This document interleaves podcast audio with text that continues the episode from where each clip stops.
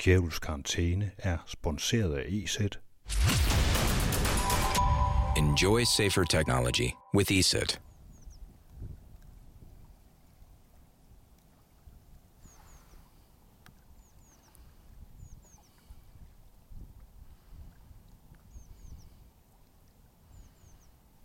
I dag gik jeg ud.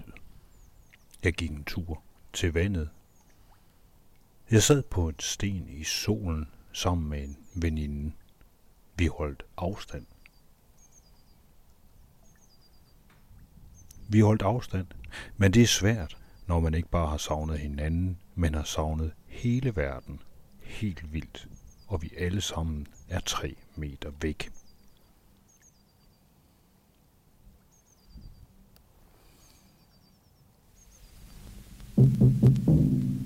Nu er jeg tilbage på kontoret, og jeg ringer ud i verden. Er I der? Hallo?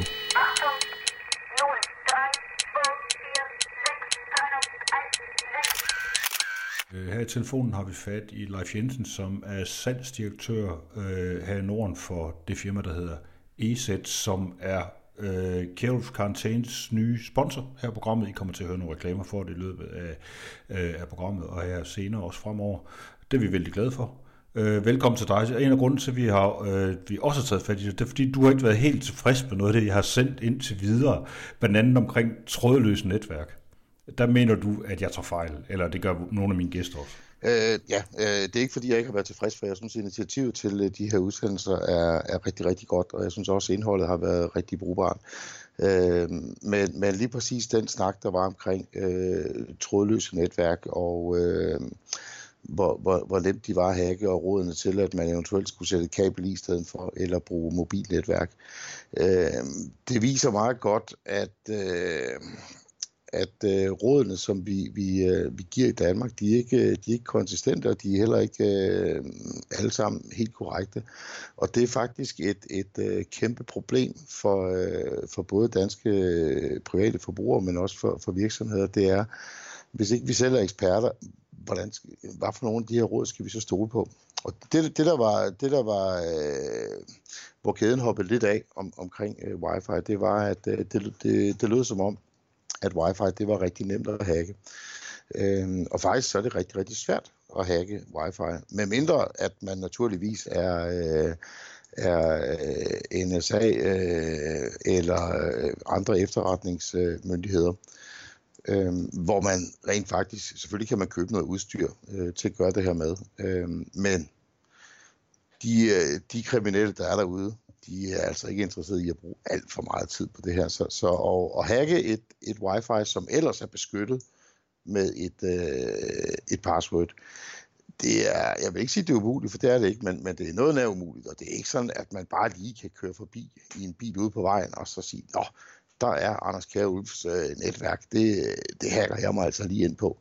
Det kan man ikke. Og den her gamle teori om, øh, at, øh, at, at øh, fordi at, at du har et netværk, som har et eller andet navn, lad os sige dit øh, wifi, det hedder Kærulf, så, så er det rigtigt, din øh, laptop, den connecter automatisk til det, når du kommer hjem fordi at I er blevet enige om, at du kan connecte med dit password. Og så er der en, en, en, øh, en gammel teori om, jamen hvad så, hvis jeg bare opretter et, et wifi med samme navn, så får jeg jo kabret dig over på mit netværk, hvis ellers min antenne den er lidt stærkere. Øh, det er delvis korrekt, for det kan man gøre, hvis det har været et åbent netværk. Hvis du nu har været på en café, øh, og du har været på gratis wifi øh, uden password, og jeg så tilbyder det samme netværksnavn med en lidt bedre antenne, så er det rigtigt, så connecter du over til det. Men, men hvis du har været vant til at connecte på dit netværk derhjemme med et password, så kan jeg ikke bare komme med et åbent netværk og sige, haps, nu øh, skal du over til mig. Den, det eneste, eller, øh, øh, den eneste måde at gøre det på, det er, hvis jeg samtidig også har dit wifi-password. Uanset hvad, så kan man jo godt sige, at i hvert fald det, det som måske var pointen i det, som vi prøvede på at sige i nogle af de tidligere programmer, blandt andet sammen med Pia Testorf og også lidt Allan Frank også, så det var, det var at sige, at det skal jo også være sat rigtig op som et netværk, fordi et af problemerne er jo, at med trådløse netværker, der er rigtig mange, som ikke har sat den sikkerhed op på det, som egentlig skal op og køre. Har du nogle gode råd i forhold til, hvad man ligesom skal huske at tjekke med sådan noget? Men det, det, er, det er det første, man, man skal huske, det er øh, at tjekke, at, at øh, den her wifi-router, man bruger, at den ikke bare har et default password. Både til administratorinterfacet, øh, som typisk er et, et webinterface, og så et, et øh, default password til selve øh, wifi-netværket. Jeg ved, at de fleste teleudbydere, når de sætter router ud til deres kunder, så, så står der, så er de forkodet med et individuelt password, som står på et klistermærke om bagpå. Øh, dem er jeg ikke så bekymret for. Øh, det er, det er værre med, med, med en router, man selv går ned og køber ned i, i butikken, som i mange tilfælde kan være udstyret med et uh, default netværksnavn og default uh, uh, wifi password. Um, og hvis ikke man forændrer det, så, så, uh, så, så, så er der en risiko for, at der er andre, der kan komme ind på dit netværk. Så det er det første, man skal gøre. Et, øh, et wifi password, og så er trafikken krypteret. Og så kan man ikke bare lige holde i en bil ude på vejen og sniffe den her trafik. Øhm, så, så, øh, så det er i hvert fald også vigtigt. Men, men der, var, der, var, der var en anden pointe, og, og det var, at øh, øh, og, og det blev også fortalt, at, at de her wifi-ruter, de, øh, de var lidt usikre, så det var bedre at sætte kablet i. Øh, Øh, og, og det er egentlig ganske rigtigt, at der har været flere forskellige af de her wifi-ruter, som har haft nogle svagheder. Øh, men hvis man sætter kablet i, så er det jo stadigvæk den samme rute, man kører igennem, øh, så det gør ikke nogen forskel. Øh, det, er ikke, det er ikke wifi-forbindelsen, der har været problemer med. Det, der har været problemer med, det har været, hvad skal vi sige, selve firmwaren inde i, i routeren, og den måde, man kunne tilgå routeren som administrator på, og ikke om det var wifi eller kabel. Men jeg tænkte på nu, du, altså som sagt, du, du er min første sponsor. Jeg er super glad for at have fået dig ind. Og du, du det her firma, I har Aset, kan du ikke lige fortælle en lille smule om, hvad I laver? Jo, men øh, vi har de sidste 30 år levet af at øh, lave antivirusbeskyttelse til øh, både private øh, forbrugere og til, øh, til virksomheder. Øh, det er det, vi koncentrerer os om. Det er vi rigtig gode til, og vi laver ikke øh, så meget andet end det. Hvis man ser det her med antivirus, det har vi faktisk også snakket en hel del om øh, i programmet indtil videre. Det her med, at det er behov for det er altså noget, vi skal simpelthen er nødt til at have styr på, øh, nu hvor vi sidder derhjemme. Blandt andet fordi der kommer utrolig mange af de her phishing-mails ind, altså folk, der forsøger at logge ind til at klikke øh, på noget. Kan du, kan du også, øh, nu har jeg, jeg har spurgt nogle andre om, der også har været igennem, kan du komme nogle gode råd til, når, hvornår, hvad det er for nogle mails, man skal være opmærksom på? Jamen dem, man skal være opmærksom på, det er dem, som, som øh, udnytter situationen. Og lige for tiden, der er det selvfølgelig ordet corona, der, der er det helt store samtaleemne, og øh, der skal man huske at have paraden lidt oppe. Øh, det kunne være, at man ser en e-mail, hvor der står, øh, hvad hedder det, øh, øh tester selv gratis for, for corona. Den er der garanteret mange, der vil byde på lige for tiden. Eller en e-mail sendt ud til virksomheder, øh, hvor der står, øh, øh, vi dækker dit øh, driftstab i forbindelse med corona. Den skal der nok også være mange, der, der finder på at trykke på. Så øh, vær lidt ekstra kritisk, øh, som altid, når du modtager noget fra nogen, du ikke kender. Øh, fordi det er det, som, som de kriminelle de har, har skruet op for for tiden. De har ikke opfundet nogen nye sådan specielle øh, øh, sofistikerede hackermetoder. De har bare øh, sat ekstra fokus på dem, de allerede ved virker. Hvad med dig, Leif Jensen? Du sidder, sidder du hjemme ligesom alle andre i øjeblikket og kommer ikke ind på kontoret, eller hvordan? Det, det gør jeg ikke. Vi har, vi har indtil videre øh, etableret 1500 hjemmearbejdspladser i Europa og er i gang med også med vores mindre lokale kontor. Så i Danmark, der er vi alle sammen hjemme. I Sverige er vi i gang med at øh, etablere hjemmearbejdspladser. Og personligt det har jeg arbejdet for hjemmearbejdsplads siden 2002, så jeg har en lille smule erfaring med det. Den erfaring vil vi rigtig gerne høre noget om. Hvordan gør man det? Altså, jeg mener, der er rigtig mange, der sidder derude nu og er ved at blive øh, sådan mere eller mindre vanvittigt ved at tro, på grund af, at nu skal de pludselig sidde og dele plads med konen, og de skal have finde ud af et eller andet, og børnene vil også have maskinen og sådan nogle ting. Men hvad er sådan din, hvordan har du sat dit hjemmekontor op? Jamen, det er også rigtig svært, og jeg lavede også selv alle fejlene i starten. Øh, jeg satte mig ved, ved køkkenbordet og tænkte, det var da hyggeligt at, at være hjemme sammen med familien, og øh, reagerede på alt, hvad der skete. Øh, hvad hedder det, både for børnene og, og, og min kone, der siger, kan du ikke lige øh, tømme opvaskemaskinen, eller, nå jamen, når nu du er hjemme, skal vi så ikke øh, lige... Øh, og, og, og det kan være rigtig svært. Øh, jeg gjorde det, at øh, jeg fandt ud af, at, at jeg havde svært ved at, øh, at sige fra. Så jeg etablerede et kontor, som var i et lukket del af, af huset. Øh, ikke specielt sofistikeret, men, men jeg kunne bare lukke døren, og så kunne jeg føle, at jeg gik på arbejde. Øh, så gjorde jeg det, at, at jeg, jeg fjernede øh, stort set alt, hvad der hed private ting fra det her rum, så jeg rent faktisk følte, at når jeg gik ind i det rum, så var jeg på arbejde. Øh, så fik jeg aftalt nogle, øh, nogle sådan spilleregler med, med familien øh, og en, en accept af øh, at være på arbejde, for det, det er utrolig vigtigt. Øh, men, men omvendt er det også svært, når, når man gør det derhjemme, og det oplevede jeg selv. Man har heller ikke lyst til at lukke helt af. Øh, så få afmystificeret det lidt. Øh, jeg har lavet øh, mine børn være med på, øh, på Skype-kald med, øh, med kollegaer, så de kunne se, at jeg ikke sidder og spiller Counter-Strike, men at jeg rent faktisk arbejder. Øh, Øhm, og øh, i stedet for, at, at det var familien, der tog initiativ til, øh, kan du ikke lige, så, øh, så er det mig, der tager initiativ til, skal vi ikke spise en frokost sammen, eller skulle vi ikke lige gå en tur med hunden? Men det er også mig, der tager initiativ til, at den pause, den slutter. Øh, det, tog, det tog rigtig lang tid at lære, men, men det har været utrolig værdifuldt. Øh, og den her følelse af at gå på arbejde, og have fri fra arbejde, for det er jo det, er jo det andet svære, der er, når man arbejder derhjemme, det er, øh, skal altså også huske at holde fri. Øh, så sluk computeren ned, luk det rum, hvor computeren står i, og sige, vi ses i morgen. Øh, det er rigtig vigtigt.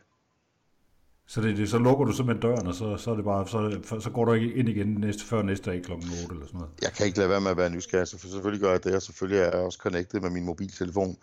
Øh, for mig der er, det et, øh, der er det en livsstil mere end et, øh, et job, men øh, jeg, prøver, jeg prøver på at gøre det, og, og jeg prøver på at adskille, hvad der er privat og hvad der er arbejde, selvom jeg gør det hjemmefra. Men det tog dig rigtig lang tid, siger du?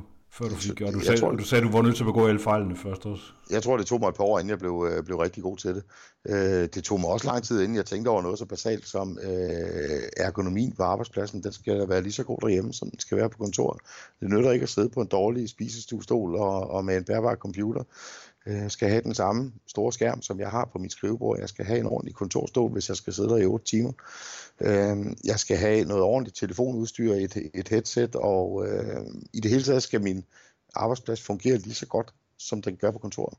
Hvad er der andre ting, man er nødt til at, at tænke over, når man sidder derhjemme og, og ligesom har noget, der er IT-baseret arbejde, man sidder der man skal i hvert fald tænke meget over, at, at man skal føle sig, øh, man skal føle sig tryg og velinformeret af, af den virksomhed, man arbejder for.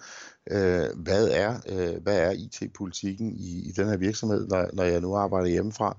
Øh, man skal ikke sidde og føle, at man er i tvivl. Øh, det har været, været lidt op i, i medierne, i hvert fald for et års tid siden, at nu skulle vi lægge noget ansvar ud på medarbejderne for, at, at sikkerheden i firmaet var i orden. Øh, og det synes jeg ikke, vi skal. Øh, vi skal klæde medarbejderne på til at øh, kunne udføre deres job øh, med de værktøjer, vi stiller dem til rådighed.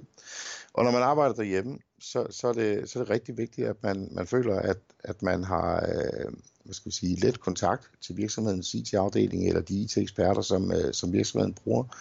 At man ved, hvad, hvad er proceduren. Øh, enten, nogen, nogen de får stillet en, en computer til rådighed af virksomheden. Det kan være den laptop, de plejer at bruge. Så er der ikke så meget, der er anderledes. Øh, man skal selvfølgelig vide, hvordan skal jeg forholde mig, hvis jeg kobler den her laptop på mit private netværk derhjemme? Er det ok med virksomhedens politik? Er der noget, jeg skal være opmærksom på?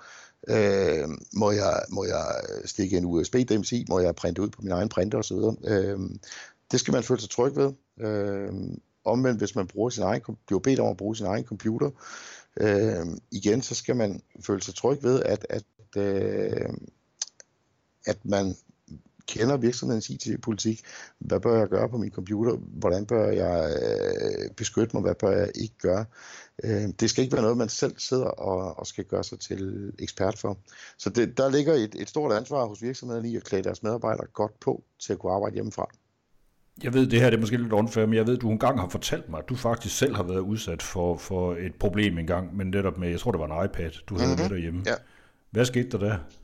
Jamen, der skete det, at øh, en iPad, som jeg i øvrigt også havde connectet til min øh, firma e-mailadresse og så videre, den, øh, den gav jeg til min, øh, til min søn, og øh, så han kunne sidde og hygge sig lidt med den, og han fik øh, fundet ud af, hvordan man installerer apps på den. Han fik installeret en eller anden app, og han synes, at den var sjov at bruge, og jeg tænkte ikke nærmere over det.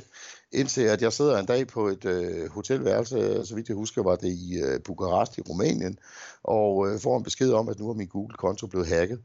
Øhm, og det var rigtig, rigtig ubehageligt. Øhm, og da jeg kom hjem, fik jeg gennemgået loggen i min, øh, i min firewall. Det var jeg heldigvis i stand til at, at forstå, hvad der stod derinde.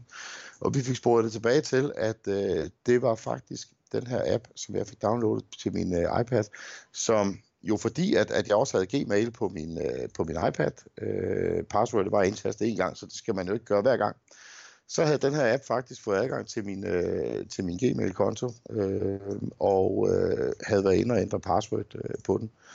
Øh, jeg ved, at Google de blev meget, meget, meget bedre til, øh, til det her. Det er Apple for den sags skyld også, men... Øh, øh, men når vi, når vi downloader sådan nogle apps, om det er på en iPad, eller om det er øh, software, vi lige downloader, hvis det er Minecraft eller noget andet, på en, en øh, firma-bærbar, så skal man være ret meget af en IT-ekspert for at finde ud af, hvad foregår der i baggrunden. Her i, jeg tror det var i går eftermiddags, der gik øh, ham, der hedder Mikko Hyponen fra det øh, store, øh, hvad hedder det, antivirus og sikkerhedsfirma, der hedder F-Secure. Han gik ud på, øh, på Twitter og så skrev han direkte henvendt til de folk, der laver ransomware derude. Og så, sag, så skrev han, stay the fuck away from healthcare. Øh, og hvis I gør noget som helst, så kommer vi efter jer, de her, hvad hedder det, F-Secure. Det er selvfølgelig også en måde, altså han, han var simpelthen ude at sige til folk, de her hacker, at I må ikke begynde at hacke sygehuse og sådan noget. Er det dit indtryk, når du sådan kigger ud over landskabet i øjeblikket? Er folk virkelig så skrupelløse, at de vil kunne finde på at angribe sådan noget som sygehus i, i den midt i den her situation, som når vi nu har corona og sådan noget? Og nu har vi heldigvis ikke set det i Danmark endnu. Øh, jeg synes, det var en god, øh, god besked fra, øh, fra Miko. Og, øh, øh, men, men de her kriminelle, de er fuldstændig ligeglade. for dem, det er kold kynisk business, og for dem at, betyder det altså, at de her menneskeliv altså ikke noget som helst. Vi har set i USA, at myndigheder hvad hedder det, har, været, har været hacket, og øh, da vi havde det her store ransomware-udbrud øh, tilbage under WannaCry, jamen der, øh, hvad hedder det, øh, healthcare i, øh, i England var nogle af de første, der blev angrebet. De, de er helt ligeglade. Øh, så så, øh, så, så det, øh, det er et godt signal at sende, øh, men det er altså ikke noget, der har nogen effekt på dem.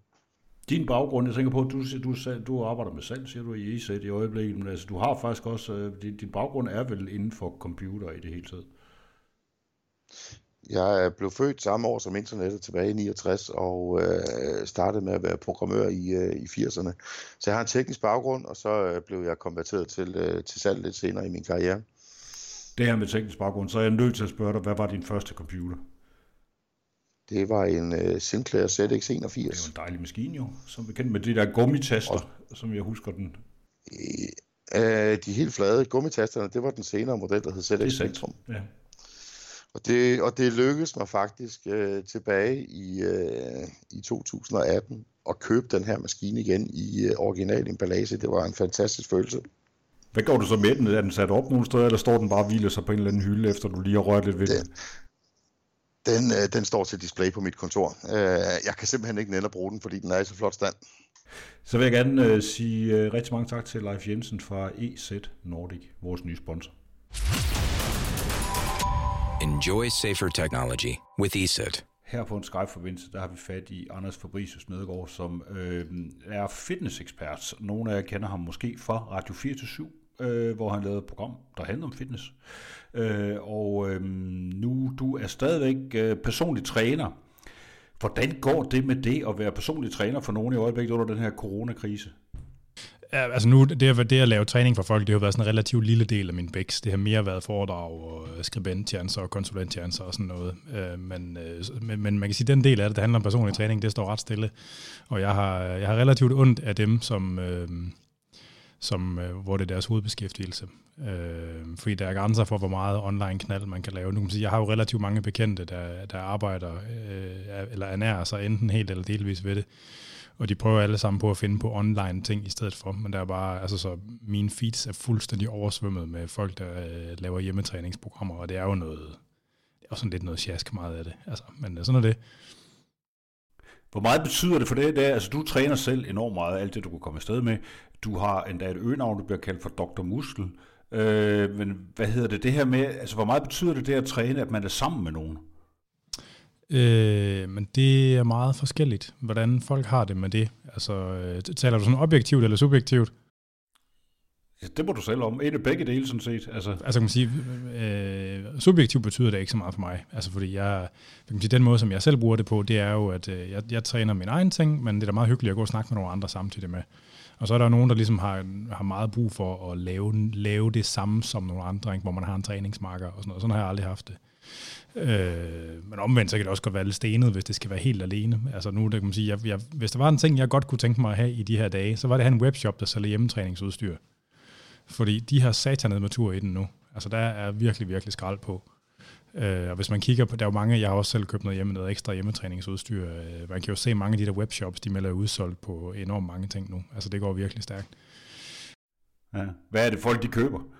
Øh, jamen det er lidt det hele. Altså man kan sige, det der er sværest, det er jo reelt styrketræningsudstyr. Der, bliver, der er blevet solgt rigtig mange stænger og skivesæt øh, i de her dage, og bænke og squatstativer og sådan noget. Hvad med dig selv, når du sidder derhjemme? Sådan, øh, det, hvad har du selv at træne med, når du bare skal træne hjemme hos dig selv? Øh, altså nu tager jeg jo det sådan relativt afslappet, det der med træning selv. Men nu vil jeg så sige, at jeg, var- jeg var blevet frygtelig slap, så jeg har haft skruet op de sidste par måneder, og hvor det egentlig gik meget godt, og så er det godt nok, øh, så er det meget ærgerligt, når det hele det går i stå igen. Øh, jeg har fået en aftale med en fysioterapeut ude i Herlev, som, hvor jeg har fået lov til at låne hans, øh, han har sådan et øh, noget træningsudstyr, som jeg får lov til at låne to gange, men nu er han, nu er han selv blevet syg, øh, så det må man hellere holde sig væk fra. Øh, så lige nu der er jeg i gang med at se, om jeg kan lege noget træningsudstyr for et af de centre, som der ikke må have, som der ikke må have øh, brugere. Hvis nu sådan en, hvis, hvis nu sådan en som, øh, som mig eller alle mulige andre, der sidder herhjemme, øh, og hvis man nu måske decideret er i den situation, man simpelthen ikke må gå ud af den ene og den anden grund, og det kan være, hvis man er i karantæne, det er der jo nogen, der er stadigvæk her rundt omkring i landet. Har du nogle anbefalinger til dem? Hvordan skal de øh, holde sig selv i gang? Øh, altså, jeg, har det, jeg, jeg sad faktisk og var ved at planlægge sådan noget social media content, øh, det gør jeg sådan en gang om ugen. Og så øh, kom- jeg til at tænke på et, øh, de lavede, øh, Vende Bente Klarlund fra, fra Center for Inflammation og Metabolisme, de lavede et studie for nogle år siden. Jeg har faktisk lige fundet det frem her. Øh, fra det kom ud i når 2008, det er så lang tid siden. De lavede sådan en meget sjov forsøg, hvor de satte sådan nogle typiske forsøgspersoners mænd til at øh, reducere deres øh, antal skridt så meget som muligt, så de skulle, ligesom, de skulle tage bussen i stedet for at cykle, og elevatoren i stedet for trapperne og sådan noget. Hvor de så reducerede deres skridt øh, antal ned til øh, et par tusind om dagen eller sådan noget. Ikke? Og det minder jo lidt om det, som dem, der er, sådan, er i karantæne, nok vil komme til at være udsat for. Øh, at det er det, man kommer ned på. Øh, og der så man... Øh, der så man faktisk nogle ret vilde ting på, og det var kun over en to-tre ugers periode. I det der studie, der så man, at folk de tabte, øh, nu skal vi lige se, jeg skal lige finde tallene frem, og de tabte kraftet med et helt kilo fedtfri masse, altså en kilo af deres muskelmasse på to-tre uger. Øh, og det er, det er ret voldsomt faktisk, at det er det, der kan ske på så kort tid. Ej, det passer ikke. De mistede 700 gram, ikke? Men, øh, og et halvt kilo i deres underkrop. Øh, og de tog kilo, de, man, de tog altså målbart mere fedt på omkring organerne, og øh, deres insulinfølsomhed blev også påvirket. Og sådan noget. Så, så bare det at blive ligesom være lukket inde i et, i et miljø, hvor man har ringe adgang til fysisk aktivitet, det kan godt påvirke en sundhed akut. Og jeg sad faktisk lige og kigget efter noget på sådan noget med blødningsforstyrrelser og sådan, øh, og der, der tror jeg også, der er noget. Så der er god grund til at holde sig i gang, og jeg vil egentlig tro, at det, det bedste, man kan gøre, øh, det vil være at få øh, låne en, øh, sådan en motionscykel eller noget af nogen, for, som man kan stå. Fordi jeg tror, jeg, jeg vil gætte på, at selve det her, det samlede, den samlede energiomsætning per dag, det er en vigtigere prædiktor sådan for sundhedseffekter, end om man laver muskeltræning. Øh, jeg vil tro, at det at lave, sætte sig på en sådan motionscykel en time, og, mens man ser en eller anden dum på Netflix, at det vil batte mere sådan på sundhedskontoen, end at lave sådan noget sådan et hjemmetræningsprogram med maverullninger og armstrækker og sådan noget, som, der, som de sociale medier jo flyder, i hvert fald mine sociale medier flyder fuldstændig over med for tiden. Øh, altså det, det vil klart være, det er også fordi i virkeligheden, når man laver sådan noget, når man laver sådan en muskeltræning, der er faktisk et overraskende lille energiforbrug på det. Og jeg vil tro, at det samlede energiforbrug altså er den vigtigste prediktor for sundhedseffekter. Øh, man kan glemme alt det, der hedder store arme og høj bænkpres og sådan noget, mens det er afsted, men hvis man skal sådan tænke på sundhedseffekter, så vil jeg bestemt mene, at det er det samlede energiforbrug, der er det vigtigste. Og det er simpelthen svært at få på andre måder. Ja.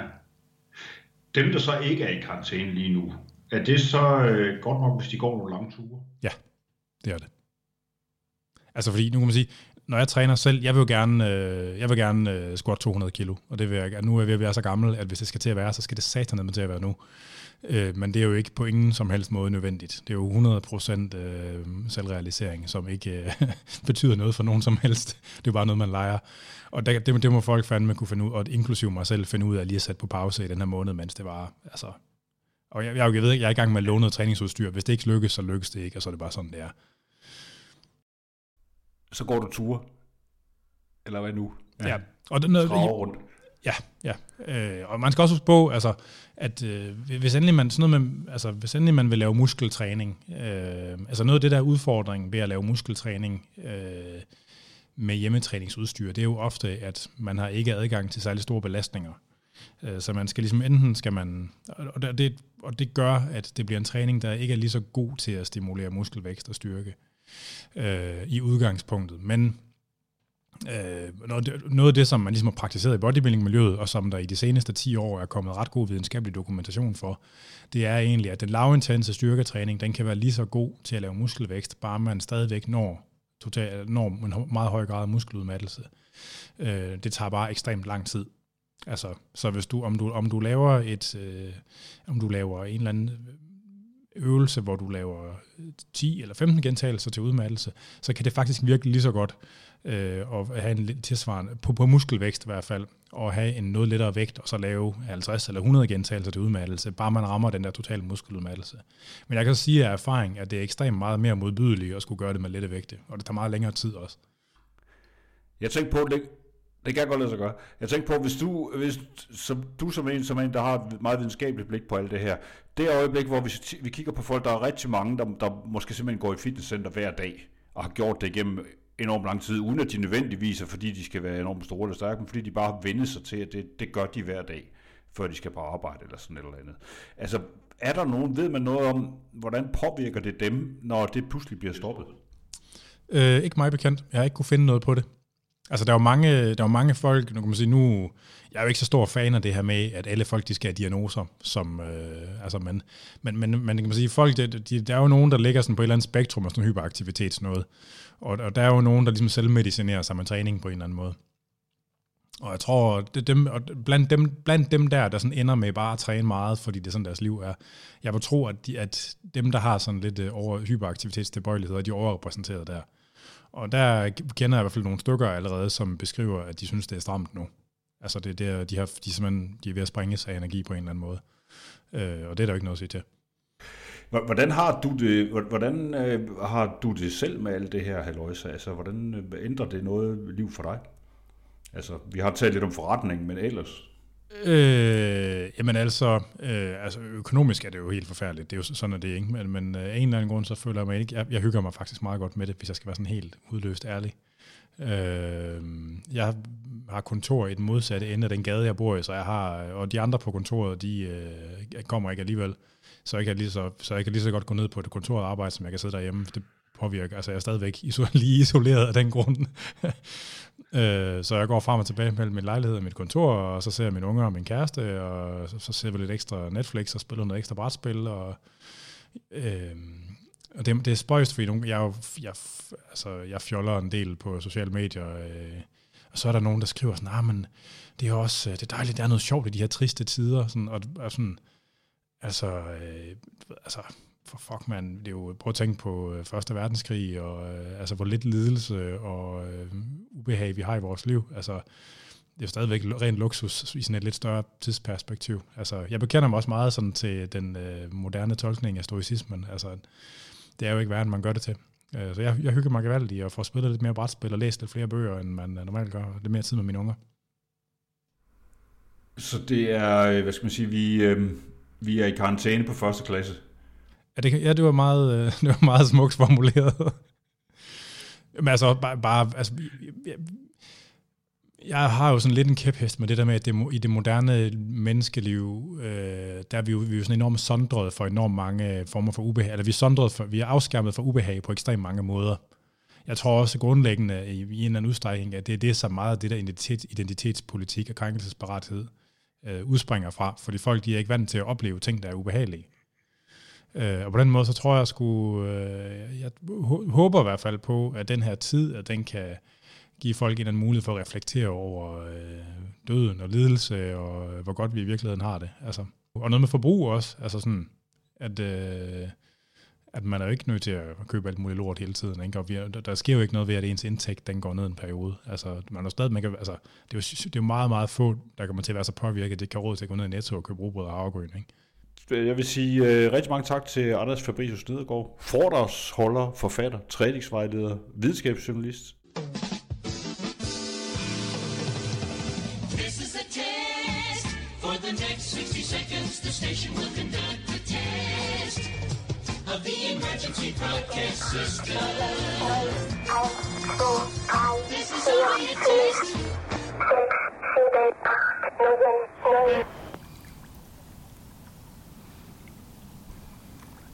Det var, hvad der var plads til i Kjæruls karantæne for i dag.